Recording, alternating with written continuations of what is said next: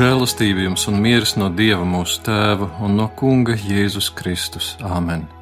Svētrīt ar jums kopā arhibīskaps Jānis Vanaks. Mēs ieklausīsimies lasījumā no Mateja evaņģēlīja 11. nodaļas.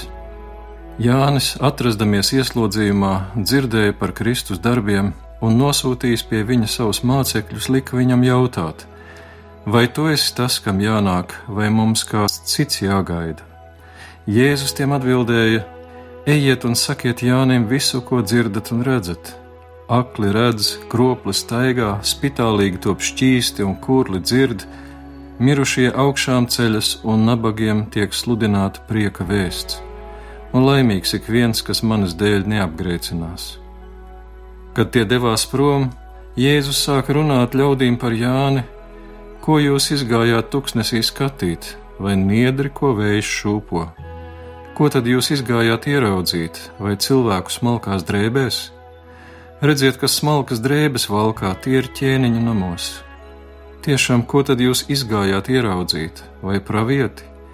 Patiesi es jums saku, pat vairāk nekā pravieti. Viņš ir tas, par ko ir rakstīts: Rēdzies sūtu savu sūtni pirms tevis, kas tev sagatavos ceļu tavā priekšā Patiesi es jums saku, starp dzimušajiem no sievietēm neviens nav cēlies lielāks par Jāni Kristītāju, bet mazākais debesu valstībā ir lielāks par viņu. Tā kunga vārds.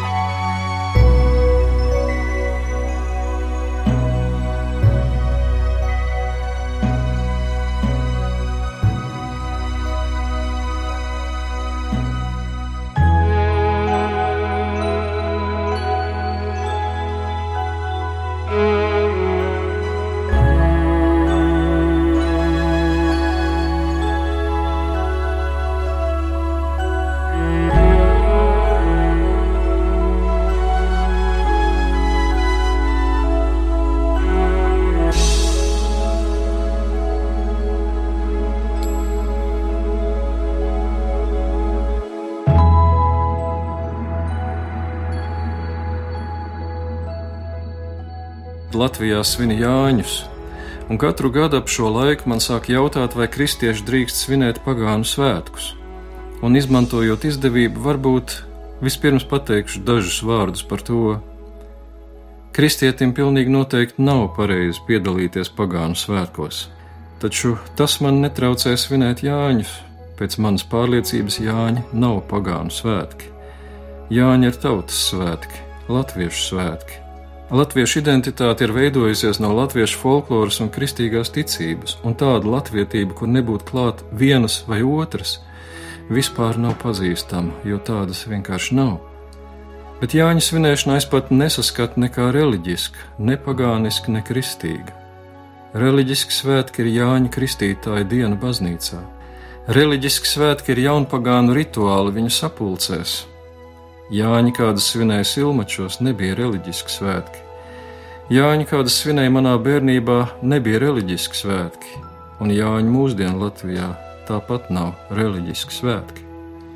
Un tikai pirms kādiem 15, 20 gadiem mēdījos aktīvi sāk potēt apziņu, ka Jāņi esot pagānu svētki un daļa kristiešu reaģēja ar dedzīgu Jāņa noraidījumu, faktiski izrādot piekrišanu, ka Jāņa ir pagānu svētki un deva ar to vielu runām, ka kristietība esot pretlatviska svešinieku reliģija. Un kaut ko līdzīgu var novērot dzīvnieku pasaulē, kad āpsis izroka alu, atnāk lapsa un to piegāna. Āpsis to nevar panest un aiziet, atstājot alu lapsai, un lapsa nu var svinēt un smiet kuplajā astē.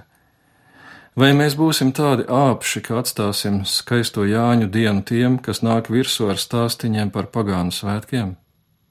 Es esmu kristietis, bet savas kristības dēļ nenoliedu savu latvietību. nedz arī atdod to jaunpagānu talībiem, kas nāk virsū un stāsta, ka būt latvietiem nozīmē būt pagānam, blēņas. Apostols Pāvils pret Jāņa svinēšanu izturējās diezgan mierīgi.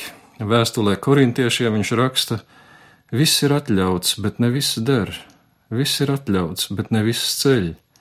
Ēdiet visu, ko tirgū pārdod, un neapgrūtiniet sirdsapziņu ar pārmetumiem. Un to viņš saka īpaši jūtīgajiem kristiešiem, kas baidījās, ka tirgo var nopirkt tādu dzīvnieku gaļu, kas iepriekš upurēts pagānu dieviem.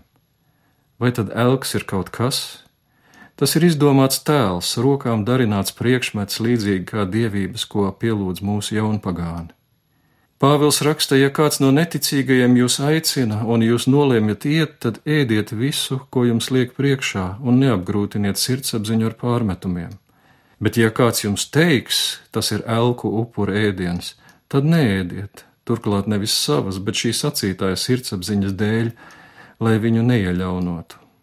Tādēļ, ja mēs kristieši savā starpā ģimenes vai draugu lokā svinam Jāņus un zinām, ka mums tas nav elku dievkalpojums, tad lai svinam ar mierīgu prātu, tikai ievērojot mērenību un likumu. Ja tomēr mums nav mierīgs prāts un mēs domājam, ka varbūt ar to dodam godu pagānu tradīcijām vai topam līdzīgi pasaulē, tad nesvinēsim, jo nav labi darīt neko, par ko sirdsapziņa ir nemierīga.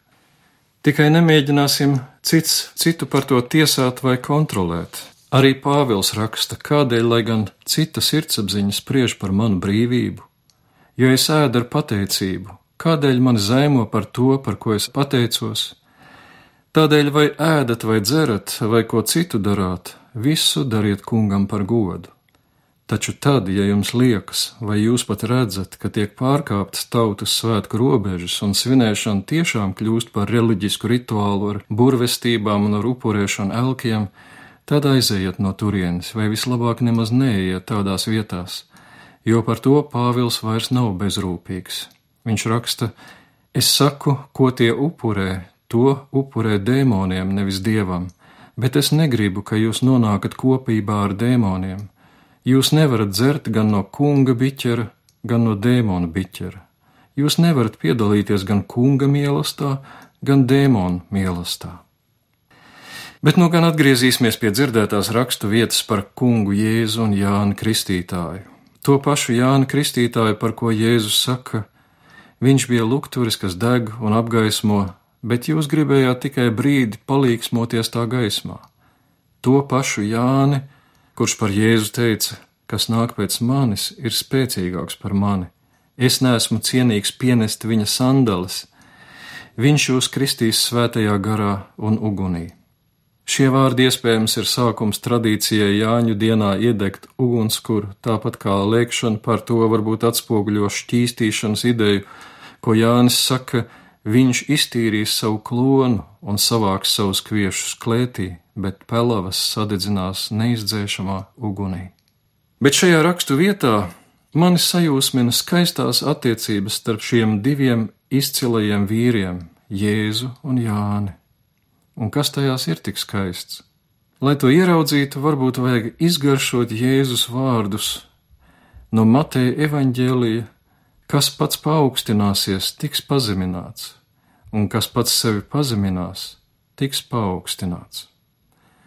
Mārtiņš Luters saka, ka mums vajag izgaršot un uzsūkt sevi vārdu.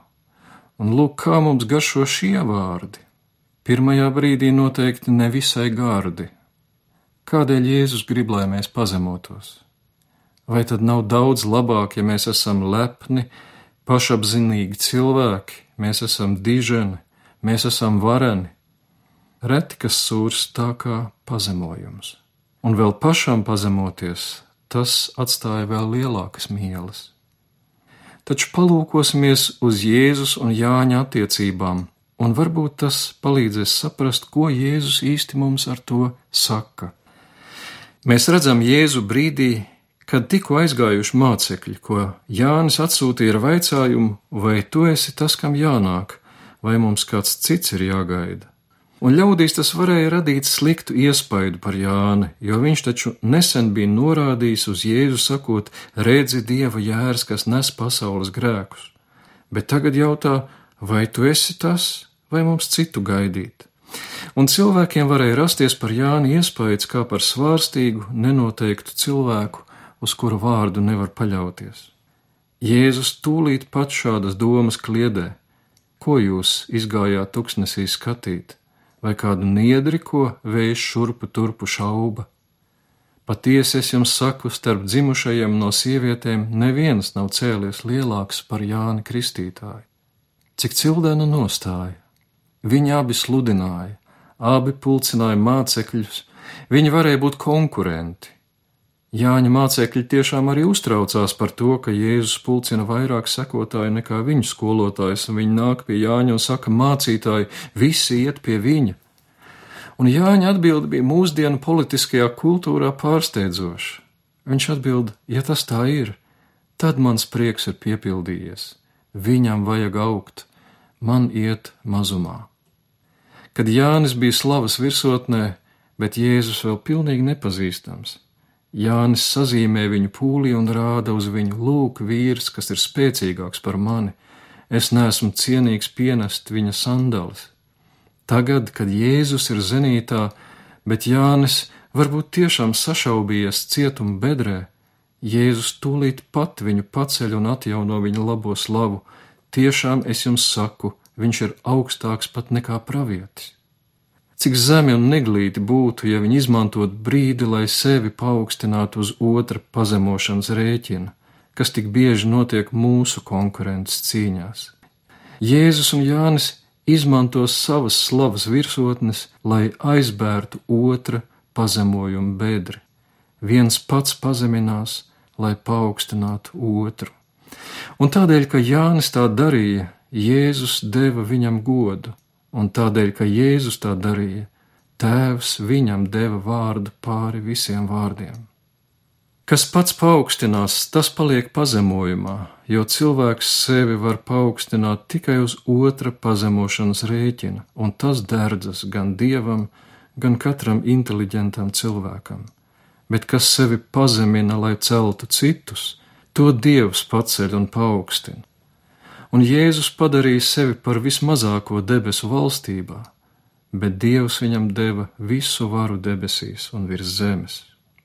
Ja Jēzus un Jāņa attiecības ir cildens un skaistas, kas gan kavē mums tādas veidot ar saviem līdzcilvēkiem? Palūkosimies apkārt un palūkosimies uzmanīgi.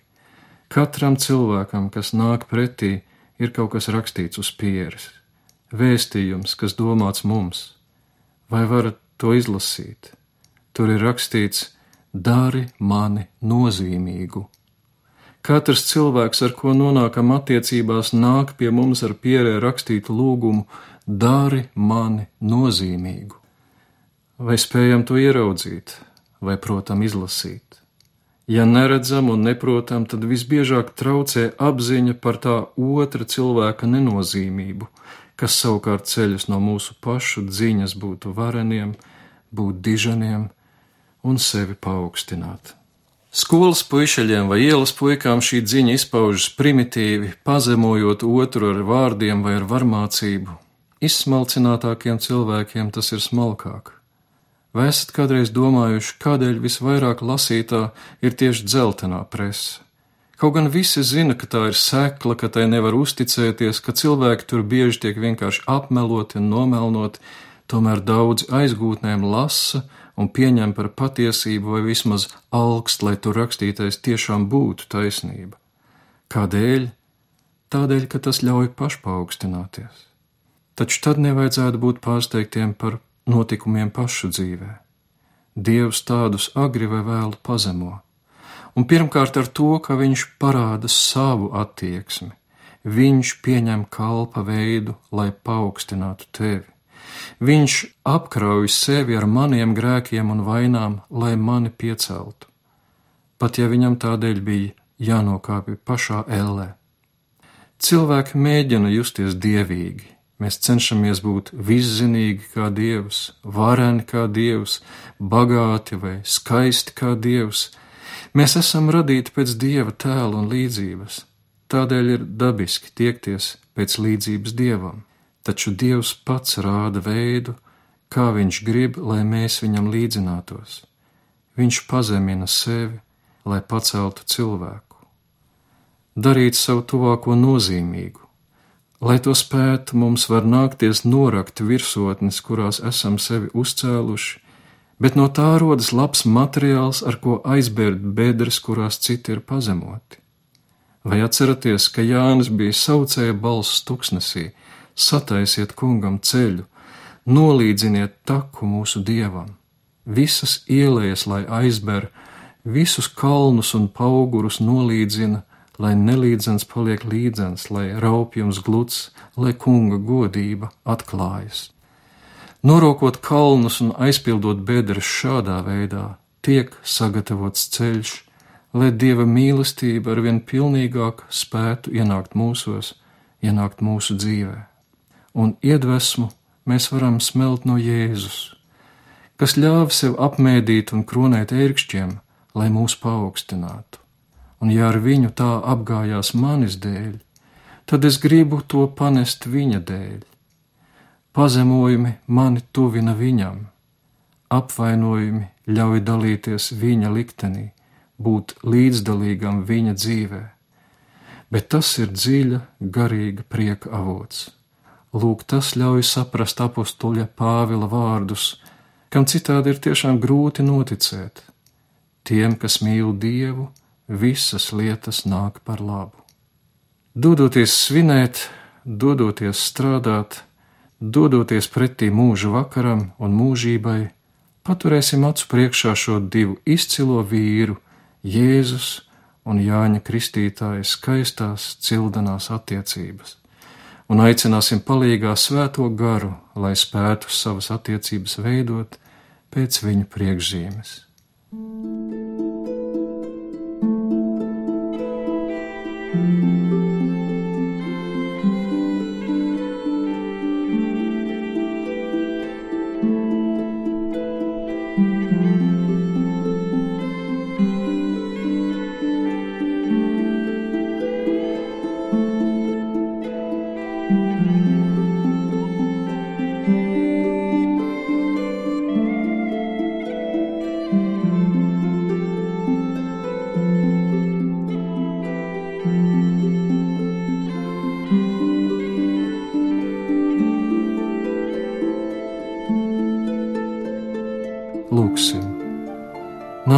svētais gars, apgaismo savu ticīgo sirdis, iededz tajos savas mīlestības uguni un svētī mūsu tavu vārdu patiesībā, kas ir mūžīga patiesība. Āmen!